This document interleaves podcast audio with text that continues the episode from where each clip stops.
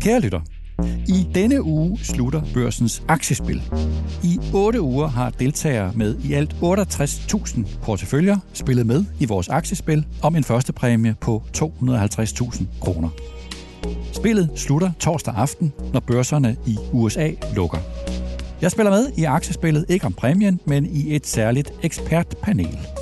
Og det har været et ret nervepirrende forløb. Det tør jeg godt sige, jeg er et konkurrencemenneske, og selvom jeg har kaldt min portefølje i spillet for rolig nu, så har jeg ikke været spor rolig. Og slet ikke, fordi min rival, børsens investeringsredaktør Simon Kirketerp, også er med i ekspertpanelet. Og det siger sig selv, at der i sådan en konkurrence står rigtig meget intern prestige på spil her på redaktionen i Møntergade. Nu går det så hverken værre eller bedre, end at Simon og jeg, Gud hjælp mig, ligger i toppen af ekspertpanelet. I hvert fald her onsdag eftermiddag, hvor vi optager. Simon ligger nummer et, og jeg ligger nummer to. Det er et tæt løb, og især så kan jeg sagtens nå at blive indhentet inden torsdag aften og ryge tilbage i feltet. Men det er, under alle omstændigheder, som duoen Lasse og Mathilde sang, da jeg var ung, tilbage i 70'erne, det er de små giganters fest. Og det er naturligvis noget, som Simon og jeg er nødt til at samle op på her i podcasten. Så det gør vi, og vi forsøger at blive klogere på to temaer. For det første, så taler vi om, hvordan vi hver især gik ind til aktiespillet, hvilken strategi vi brugte. Og for det andet, så taler Simon og jeg om, hvad aktiespillet fortæller os om den tid, som erhvervslivet lever i lige nu. Velkommen til Topchefernes Strategi.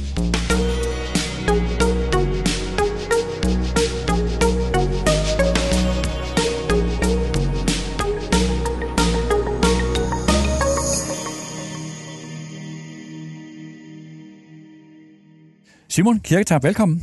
Tak skal du have, Niels.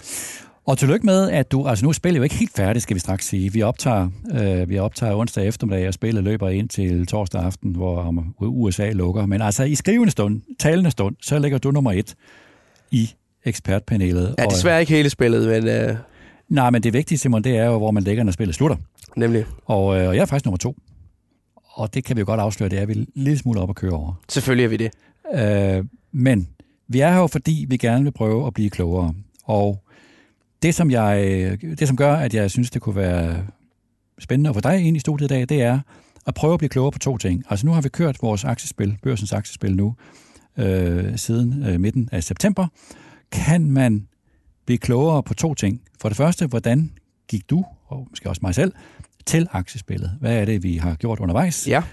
Det er det ene. Og det andet er, om vi ud af aktiespillet kan se nogle tendenser om den tid, som erhvervslivet lever i lige nu. Så det er derfor, at, øh, at vi sidder her. Og det synes jeg bestemt, at uh, vi kan give nogle svar på, de ting der, så lad os, uh, lad os bare komme i gang. Allerførst, Men, ja, allerførst, ja. Simon, så er vi nødt til at anstændigvis jo lige, altså vi er jo ikke sådan eksperter. Vi, vi er, ikke, vi, vi er ikke orakler inden for det her. Det må vi nok erkende. Så øh, selvom at øh, vi sidder og øh, snakker om, hvor fantastisk det er, at vi ligger nummer 1 og 2 i den her ekspertgruppe, så øh, er der jo også en del tilfældigheder med det, og vi er ikke, vi er ikke hverken certificerede aktieanalytikere eller noget som helst Nej, i den har, stil. Men, vi har en øh, disclaimer. Vi er ikke eksperter. Der er også øh, tilfældigheder og held med, absolut. Og men vi har da tænkt os om. Det har vi naturligvis. Men vi skal også som en del af disclaimeren udtrykke vores respekt for de andre deltagere i ekspertpanelet, at de stiller op øh, med de øh, risici, det indebærer. Tusind tak for, at de også vil være med. Simon, lad os starte med dig. Når du gik ind til aktiespillet ja. her, hvad, altså kan du øh, redegøre lidt for, hvilke overvejelser du, øh, du gjorde, da du trådte ind i spillet med hensyn til din portefølje? Ja, først så vil jeg sige, at investere i et aktiespil, det er jo noget helt andet end at investere rigtige midler. Her der handler det om maks risiko på en smal portefølje, og så forsøg på at finde nogle strømninger i lommer i markedet, hvor der kan være afkast at hente. Gerne selv i et negativt marked, som det vi har været igennem de seneste måneder. Så det er egentlig det, jeg har været ude og lede efter, og der handler det jo om at generere aktieidéer. Og det er sådan, mit hoved det er indstillet på at tænke aktier hele tiden, og aktieidéer, og det kanaliserer vi jo ind i vores journalistik i forhold til, hvilke aktier vi skriver om, og, og øh, hvilke trends, der er interessante. Og Den det, vil her... sige, det vil sige et marked, som jo, da spillet startede, var udpræget faldende. Ja. Der kan man alligevel forsøge at finde steder eller lommer eller noget, hvor der er mulighed for at tjene penge. Nemlig. Og der handler det for meget, meget om at finde inspiration.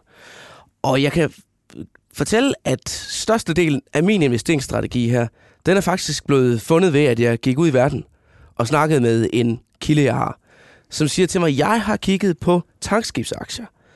Der er noget stort i dem lige nu. Det vækkede min interesse. Jeg gik hjem og læste op på det. Og det viser sig, at øh, der er en kæmpe ubalance i det marked på grund af det, der sker øh, geopolitisk med Ukraine og Rusland, og der kommer embargo mod russisk dieselolie. Det gør, at raterne inden for fragt af, af dieselolie er eksploderet. Og hvad har vi på det danske aktiemarked? Vi har to selskaber, der er øh, der gør sig i det her. Det er Torm, det er DS Norden, og så var der også en norsk aktie, Hafnia Limited, som er tankskibsrederier, og der var allerede godt gang i de aktier. Og jeg har det ellers sådan, øh, generelt set, aktier, der er steget meget, det er nok også lige med høj risiko. Men her, hvis man ligesom kan komme med på vognen i et aktiespil og ride på en bølge, så tænker jeg bare, at det må være perfekt. Så jeg puttede faktisk 75% af min samlede midler i de her tre aktier. Så kiggede jeg lidt mere rundt i markedet, efter at kunne finde et eller andet, hvor der var en potentiel kurstrigger i. Det blev så Danske Bank. Vi har gået og ventet i årvis på, at der skulle komme en afgørelse i den her kæmpe store hvidvasksag og de potentielt store milliardbøder, der kunne true Danske Bank. Den afgørelse, den kom for nylig. De er, har været ude og melde ud. De skal betale op til 15,5 milliarder kroner i bøder. Og det kan man tænke, det lyder som en forfærdelig dårlig nyhed for aktionærerne i Danske Bank, men faktisk tværtimod, det har sendt aktien op med 20%, fordi det har været sådan en dyne, der har ligget hen over den aktie i årvis, og hvis der er noget, investorer ikke kan lide, så er det usikkerhed. Så jeg gik ligesom målrettet efter Danske Bank, at vi kunne få trukket noget af den der usikkerhed af den aktie, så kunne den køre videre herfra. Og så den femte aktie, jeg tog ind, det var Novo Nordisk, fordi det er faktisk en af de eneste større danske aktier, som har præsteret at stige igennem den nedtur, vi har været igennem det seneste år. Så det vil sige, de ting, du lige redegjorde for, altså det her med at vælge tankskibe, det er ud fra et synspunkt om, at selvom markedet falder, ja. så kan man objektivt se jo som almindelig investor, at der er nogle modsatrettede tendenser i lommer, som du kalder dem. Og det ja. er det, du så. Altså selvom det hele falder, så er der alligevel nogen, der går den anden vej. Og det, vil, det lyder lidt nemt, undskyld jeg siger det, at identificere sådan nogen. Hvad kan man vel se? Og men det lyder jo meget nemt lige nu, fordi at jeg så rent faktisk har præsteret at ramme noget af det, der så er blevet ved med at køre. Men der er jo ofte hypede temaer i aktiemarkedet, som kører rigtig hurtigt opad, og som til gengæld falder sammen. For et par år siden eksempelvis, der var der elbilaktier, der var ekstremt hypede. Det var ikke kun Tesla, det var også øh, kinesiske producenter. Handlede til voldsomme øh, værdiansættelser, og aktiekurserne, de kendte til synlædende kun én vej, lige indtil de kørte ind i en mur. Det er det samme med tech-aktierne. Sidste år øh, var det noget af det, øh, da vi havde aktiespillet der, som virkelig løb stærkt. Det så også ud som om, der ikke var nogen som helst ende på det. Den kom lige pludselig. Så det er jo sådan ved at kende sin besøgelsestid og time det rigtigt. Ja, altså sidste år, der havde jeg jo faktisk tech-aktier. Ja, nemlig. tech-aktier. Og der red jeg jo lige akkurat på bølgen, fordi det var kortsigtet. Ja. Dengang var det jo, der gik de jo fint. I år, der gik det dårligt. Det, det, ja, det kommer vi tilbage til. Men det vil sige, en ting er, din strategi, det var det her med lommer i markedet. Ja. Finde steder, hvor øh, kurserne går op i stedet for ned. Og så det andet, du taler om kurstriggere. Ja. Og du bruger Danske Bank som eksempel. Og det vil sige, at du købte simpelthen en kvalificeret lodseddel. Det kan man sige, ja. At du købte Danske Bank i håb om, at den der hvidvaskbøde ville komme, fordi ja. du forventede, at det ville skabe en klarhed, og så ville kursen stige. Er det en måde at investere på, som udover nu det her et spil jo, men også i virkelighedens verden, at man kan, man kan investere ud fra? Det er det bestemt, og det er der, der også nogen, der gør. Altså sådan noget som biotek, det er jo, det er jo indbegrebet af en lodseddel. Og det går jo godt nogle gange, og oftest så går det ikke særlig godt. Eller der er i hvert fald rigtig, rigtig mange eksempler på biotek-aktier, som nærmest eksploderer i hænderne af folk, fordi der er forsøg øh, med nye kommende lovende lægemidler, som falder fra hinanden, og som viser sig, at det var ikke så lovende, som man gik rundt og troede. Der handler det jo om at gøre sin analyse. læse op på tingene. Tror man på udfaldet af det ene eller det andet? Og så handle efter det. Og hvis, øh, hvis det så falder ud til den rigtige side, så, så er det jo, at man kan være heldig og dygtig, at, øh, at det kører i den rigtige retning for en.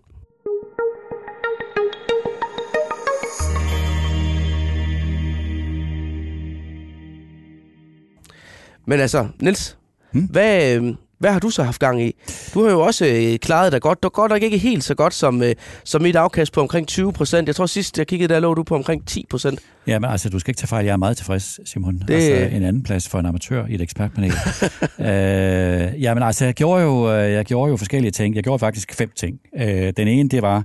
Den første var det her med timing. Det har du jo blandt andet lært mig, at timing er jo uhyggeligt vigtigt, Ja. når man skal investere. Og det tog jeg jo meget bogstaveligt, fordi jeg kunne jo se, at da spillet startede den 15. september, at der faldt det hele. Det havde jeg jo blandt andet hørt i jeres udmærkede podcast, Børsen Investor. Og så tænkte jeg, at spillet er jo åbent indtil øh, starten af oktober. Så hvorfor ikke bare lurepasse? Altså, hvorfor ikke bare sidde på mine hænder? Det ville være dumt. Øh, Kalder man det ikke i jeres verden, det her med at gribe en faldende kniv? Jo, altså, lige præcis. At det, er- det er lidt farligt. Vi siger til gengæld også, at øh, at time markedet på kort sigt, det er stort set umuligt. at du har præsteret at gøre det alligevel. Altså, jeg er jo inspireret af, af, af, af fodboldtræneren Jose Mourinho, som sagde det der med, at øh, hvis, jeg, hvis, du har, hvis du har en Ferrari, og jeg har en lille, en lille bil, så kan jeg kun slå dig ved at putte sukker i din tank, eller ødelægge dit hjul. Så derfor, øh, så gjorde jeg det, og det er selvfølgelig lidt ufint, men det er jo inden for reglerne. Så det første, jeg gjorde, det var simpelthen at vente, og det betød jo, at da jeg trådte ind i spillet, så var alle de andre i minus. Og det var en god start. Og så gjorde jeg jo selvfølgelig som nummer to det, som du lige redegjorde for, nemlig at øh, man skal jo spille med en meget høj risiko. Så høj som muligt. Jo bedre, jo bedre. Altså, så få aktier som muligt, øh, synes jeg. Man skulle have fem aktier, så jeg er jo nødt til at have fem. Ja, så vi er faktisk tvunget til lidt spredning her. Ja, jeg kunne se, at der er nogen i ekspertpanelet, som havde mere end fem aktier, men jeg var, helt, jeg var slet ikke i tvivl om, at jeg skulle kun have fem. Øh, Jeg skulle satse, og, øh, og jeg har det også lidt, du ved, altså hellere sådan et, et dramatisk nederlag, i stedet for at fedt spille. Ikke? Helt altså, enig. Altså enten Helt skal enig. man vinde, eller også er det lige meget. Altså, man vinder ikke noget, hvis man fylder porteføljen op med øh, alt for mange aktier, fordi så får man jo en blød mellemvare. Ja, så ender du i midten af feltet. Ja. Det kan man ikke rigtig bruge til noget. Og, og så er det for det tredje, altså du har jo været lidt inde på det i virkeligheden, men det, som jeg gik efter, det er det der med, at man skal ligesom finde en trend i tiden. Nu er det Ja, her hvad ret- har du så fundet? Ja, men nu er det her jo meget specielt, fordi spillet er jo kortsigtet, og det vil sige, at man skal jo finde noget, som, som er kortsigtet. Men jeg fandt, eller fandt, altså jeg, jeg er jo meget optaget af det her med, at tidens trend er jo det, som jeg vil kalde uforudsigelighed, det som alle i erhvervslivet lige nu er optaget af. Ingen, ingen har været i den her situation før med krig i Ukraine, inflation og renter og forsyningskæder og, og corona. Og det vil sige, at alle er optaget af, af sårbarhed og af at gøre sig selv mere øh, robust. Så det var ligesom den trend, jeg, jeg, jeg ville. Altså den der uforudsigelighed og sårbarhed. På en eller anden måde, så må det spille ind i et aktiemarked. Og, og det førte mig jo så frem til, øh, til det fjerde, nemlig at penge lugter jo ikke, Simon. Nej. Penge lugter ikke. Det ved du alt om som investor. Øh, vi tænker jo i penge, os to. Så øh, derfor valgte jeg olie. Altså jeg valgte at sige, at jeg lægger hele, alle pengene på olie. Og det er jo ellers meget imod den mangeårige trend i markedet med bæredygtighed og etik og ESG. Har du gjort dig nogen overvejelser om det? Ja, ja, det har jeg, men, men, men nu spiller jeg jo hverken for fair play eller, eller for sådan at være øh, politisk korrekt. Jeg spiller for at vinde. Og jeg læste i Wall Street Journal blandt andet, at, at der er et klart ryg i øjeblikket fra tech til energi. Ja. Altså stimuleret af, af de højere renter. Øh, så jeg var faktisk ikke i tvivl om, at olie er jo også en slags beskyttelse måske mod, inflation. Det er i hvert fald noget, som er voldsomt meget op i tiden. Så jeg satsede på olie, og så vil jeg sige, det femte værktøj, jeg vil nævne, som jeg har brugt her, det er det, som jeg vil kalde is i maven. Ja. Og det er jo faktisk noget, du selv har lært mig, fordi jeg kan huske aktiespillet sidste år, hvor du vandt ekspertpanelet også. Nu ved ikke, Ja, det er ved at blive god vane. Det, altså, der skrev du jo blandt andet, at det, som hjalp dig igennem til sidst, efter meget tvivl undervejs, det var, skrev du, have en klar strategi og hold dig til den. Mm. Og det må jeg sige, det, det har jeg virkelig lært på den hårde måde i år, fordi når ens aktier falder, så er det altså svært at is i maven. Altså, så er man jo tilbøjelig til at sælge. Ja. Hvad jeg også gjorde, jeg lavede en fejl undervejs, nemlig altså Torm, da jeg havde den, så faldt den i to dage, så skyndte jeg mig at sælge den, hvorefter den steg igen. Øh, klar fejl. Så jeg vil sige, det jeg har lært, det er det der med is i maven. Det er vigtigt, og det er jo svært, og det er især svært, når man er presset. Men det er i hvert fald de værktøjer, Jamen, jeg som kan godt genkende det, fordi at hvis jeg ser min portefølje, så kørte den faktisk heller ikke særlig godt til at starte med i år. Det var fuldstændig lige, hvad der skete for mig sidste år. Men jeg holdt fast, og det gjorde ligesom, at det der tema, der jeg havde forelsket mig i, det fik lov til at udfolde sig alligevel. Men når nu man har en portefølje, og det kører dårligt, for det gjorde det for dig i starten, det lagde jeg jo naturligvis Ja, mærke til. jeg tror faktisk, jeg lå øh, nærmest lå, helt du lå virkelig langt Ja. nede. Og jeg havde faktisk lavet en portefølje, der var øh, autogenereret, som lå op af den her, som klarede sig langt, langt, langt bedre, end den, jeg havde tænkt over til at Men starte jeg med. spørge, Det er heldigvis vendt rundt over spillet, så når du sidder der i, i et spil som det her, med meget, meget, meget prestige ja. spil, og du kan se, at din portefølje falder, hvad er det så, der gør, at du vælger at have is i maven, i stedet for at lade dig presse til at købe nogle andre aktier? Ja, det var jo egentlig et rigtig godt spørgsmål, Niels. Øhm, jeg tror ligesom, jeg har gjort det der med at tænke min strategi igennem fra start. Altså tro på strategien. Finde de lommer der, og så, og så lade det udfolde sig, og så bare holde fast, tro på det, have isen i maven. Det er egentlig ikke fordi, at jeg kan sige noget sådan helt vildt genialt omkring det, men jeg tror bare, jeg er nok også lidt fanget af, at, at, at så skal jeg ud og finde et nyt tema. Og så mange er der altså heller ikke af dem, i, uh, særligt ikke i sådan et marked, som vi har haft lige nu.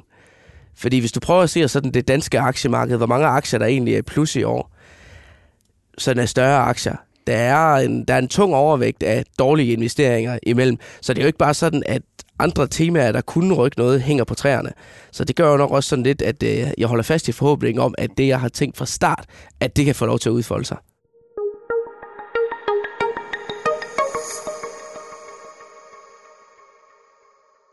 Okay, Simon, lad os prøve at se, hvad kan vi så ud af det spil, vi har haft øh, så meget sjov med nu i, i øh, halvanden måned? Er der noget at lære af det? Øh, kan vi lære noget af aktiespillet? Hvad læser du ud af de her halvanden måned? Jeg læser i hvert fald ud af det, at sådan noget som højere renter, rentestigninger, det har været helt centralt i, hvad der er foregået.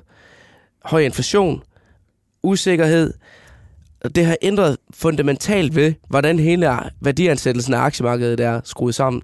Nu nævnte du selv tidligere det med, at du havde satset på tech-aktier sidste år, og faktisk klaret dig ret godt ved det. Du kom nok ud af det på det helt rigtige tidspunkt, fordi hen mod slutningen af sidste år, det var lige pludselig der, øh, ordet inflation kom ind, øh, blev, blev øh, sådan genopfundet i ordbogen, og øh, det regime, vi har haft med øh, nulrenter, negative renter, det begyndte at ændre sig, ændre sig. Og det gør, at hele den måde, man har set på værdiansættelserne på aktiemarkedet, er vendt fuldstændig på hovedet. For et år siden, der var det stort set ligegyldigt, hvad et selskab tjente i dag, og hvor mange gange man skulle betale øh, indtjeningen op som investor for at købe sig ind i det. Altså, mange selskaber handlede jo på PE, som det hedder. Øh, det nøgletal, der viser, hvor meget man betaler for en krone af indtjening på måske 100. Sådan øh, tech-vækstselskaber, måske 200. Det var sådan lidt øh, gæt et tal, hvad det egentlig kunne bære igennem til. I dag, der er de aktier, de er faldet fra hinanden. De er dykket voldsomt. Hvorimod at sådan old economy, gammeldags selskaber, der tjener penge i dag, de har fået en renaissance, og som har været lavt prissatte. Og det er dem, investorerne er gået over i. Og det er ligesom også dem, der har båret tingene igennem.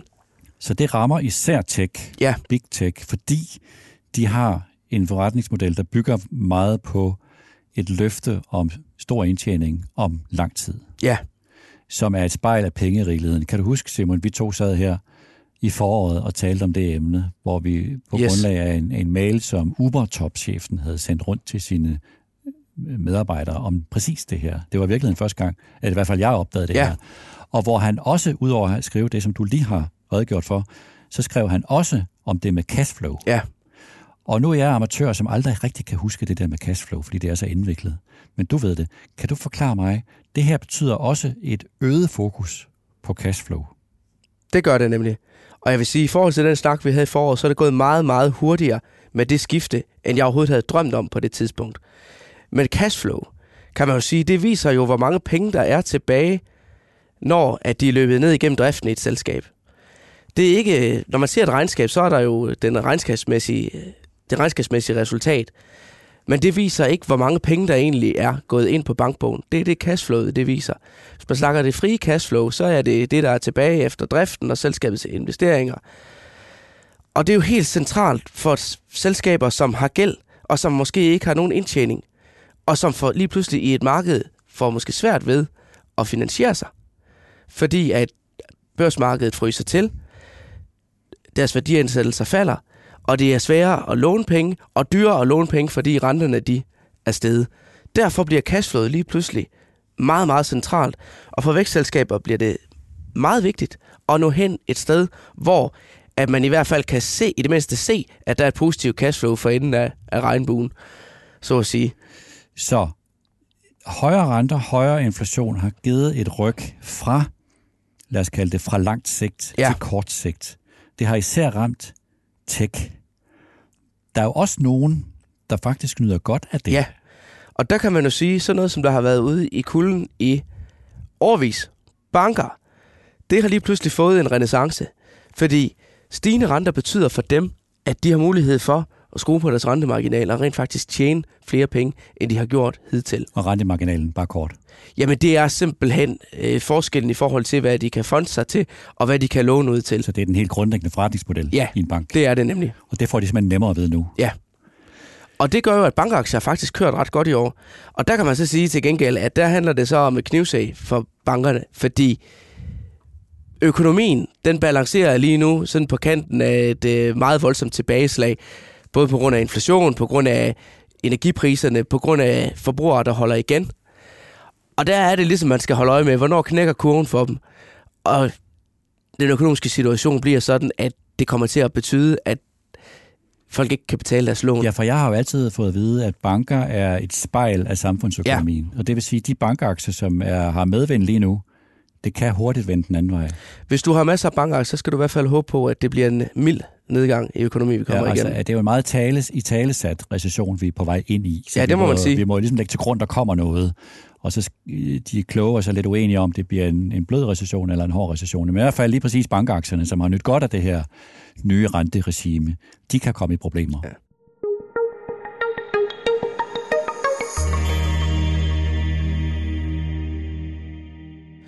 Men noget andet, når jeg ser ud på verden i dag, så er det jo, at det hele virker meget uforudsigeligt, og der er en sårbarhed. Niels, hvad tænker du om det?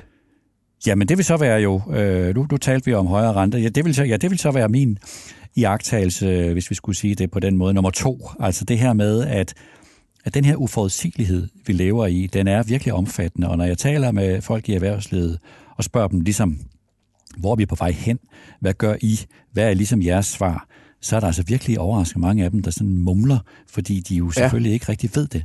Og det får mig jo til at sige det her med, altså der er jo et kæmpe ryg i erhvervslivet, og sådan set også i samfundet, fra en, man har opdaget, man er blevet, man har været sårbar, er sårbar til at prøve at gøre sig selv mere robuste. Og man må sige, de to og et halvt år, der er gået under corona, hvor det her ligesom første gang øh, opstod, at det der med at gøre sig mere robust, hvis du er en global produktionsvirksomhed, det er virkelig, virkelig indviklet, og det er selvfølgelig helt inde i kernen af din virksomhed, og derfor er det noget, de virkelig har svært ved. Så hele den her, hvad skal vi sige, uforudsigelighed er, er, er, er meget, meget vigtig. Og det synes jeg godt, vi to kan læse, øh, Simon, ud af aktiespillet af de her halvanden måned, fordi vi har jo netop lært det her geopolitik, og det, som jeg selv jo har udnyttet øh, nemlig et, et ryg fra blandt andet tech og hen til energi, og specielt til fossil energi, og ja. ser til olie. Og det vil sige, at hele den her uforudsigelighed gør jo, at der er nogle brancher og nogle aktier, der pludselig får noget medvind, for eksempel sådan noget så gammeldags som, som olie. Og det synes jeg er en lære også, at, at aktiespillet har bekræftet, at uforudsigelighed og sårbarhed er et stort tema i, i øjeblikkets erhvervsliv. Aktie, eller ikke aktier, men olie har jo været sådan fuldstændig out of favor i årvis, og været rigtig dårlig investeringsmæssigt også. Og lige pludselig, så skal jeg love for, at det kommer tilbage på banen der. Når du sidder og læser i regnskaberne, det gør du jo stort set hele tiden, kan du se noget om det her i de forventninger? Altså i et regnskab, så siger de jo også nogle gange noget, eller ofte, selv i kvartalsregnskaberne, om deres forventninger til fremtiden. Siger de noget aktuelt i regnskaberne, de seneste, der er kommet, om det her, om uforudsigelighed, om hvad, hvad deres forventninger til fremtiden er? Det fylder rigtig meget i den her regnskabssæson, der faktisk ruller lige nu. Og vi kan også se, at investorerne de drager et lettelsens øh, suk rigtig mange steder, når det kan godt være, at det egentlig er skidt, det selskaberne kommer ud med, men bare at det, det ikke er så skidt, som man havde gået og frygtet, så giver det faktisk nogle ret positive kursreaktioner. Og aktier, der er meget presset, er faldet voldsomt. Der skal ikke ret meget til, før end at det, øh, det kan ligesom komme tilbage som et, et rekyl. Så hver gang en virksomhed måske ikke performer helt, som man havde håbet på, men det forhold, at de giver udtryk for, at der er mindre uforudsigelighed, ja. så er det en god nyhed.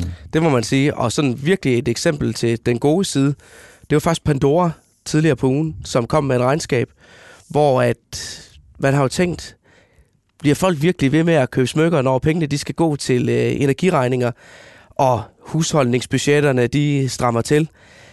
Og der må man bare sige, det regnskab, de kom med, det gjorde i hvert fald den frygt til skamme, fordi det viste faktisk, at de har haft rekordomsætning, og de har eksperimenteret med at sætte priserne op, og de har været ude at sige, at øh, nu øh, forventer de at sådan gennemsnitligt skrue priserne op med 4% på øh, global plan. Det gav lige en kursstigning på 10% til aktien på dagen. Så det er virkelig noget, der, øh, der bliver fuldt tæt.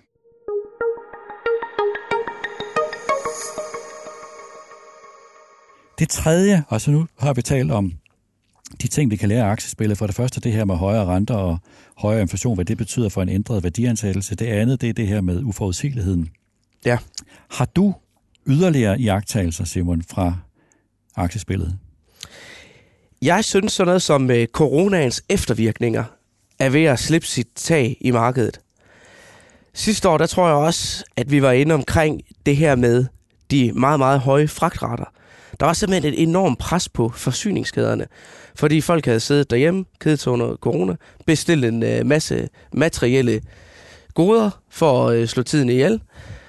Og så var der et enormt pres på fragtmulighederne. Der har været nedlukninger i Kina, samtidig med, som jo, ligesom man siger, det er produktionsmotoren i en stor del af verdensøkonomien. Så der har været en enorm efterspørgsel, samtidig med, at der ikke har været den produktionskapacitet, som, som der har været tidligere. Og det kan man faktisk se nu. Det aftager. Det enorme pres, der har været der.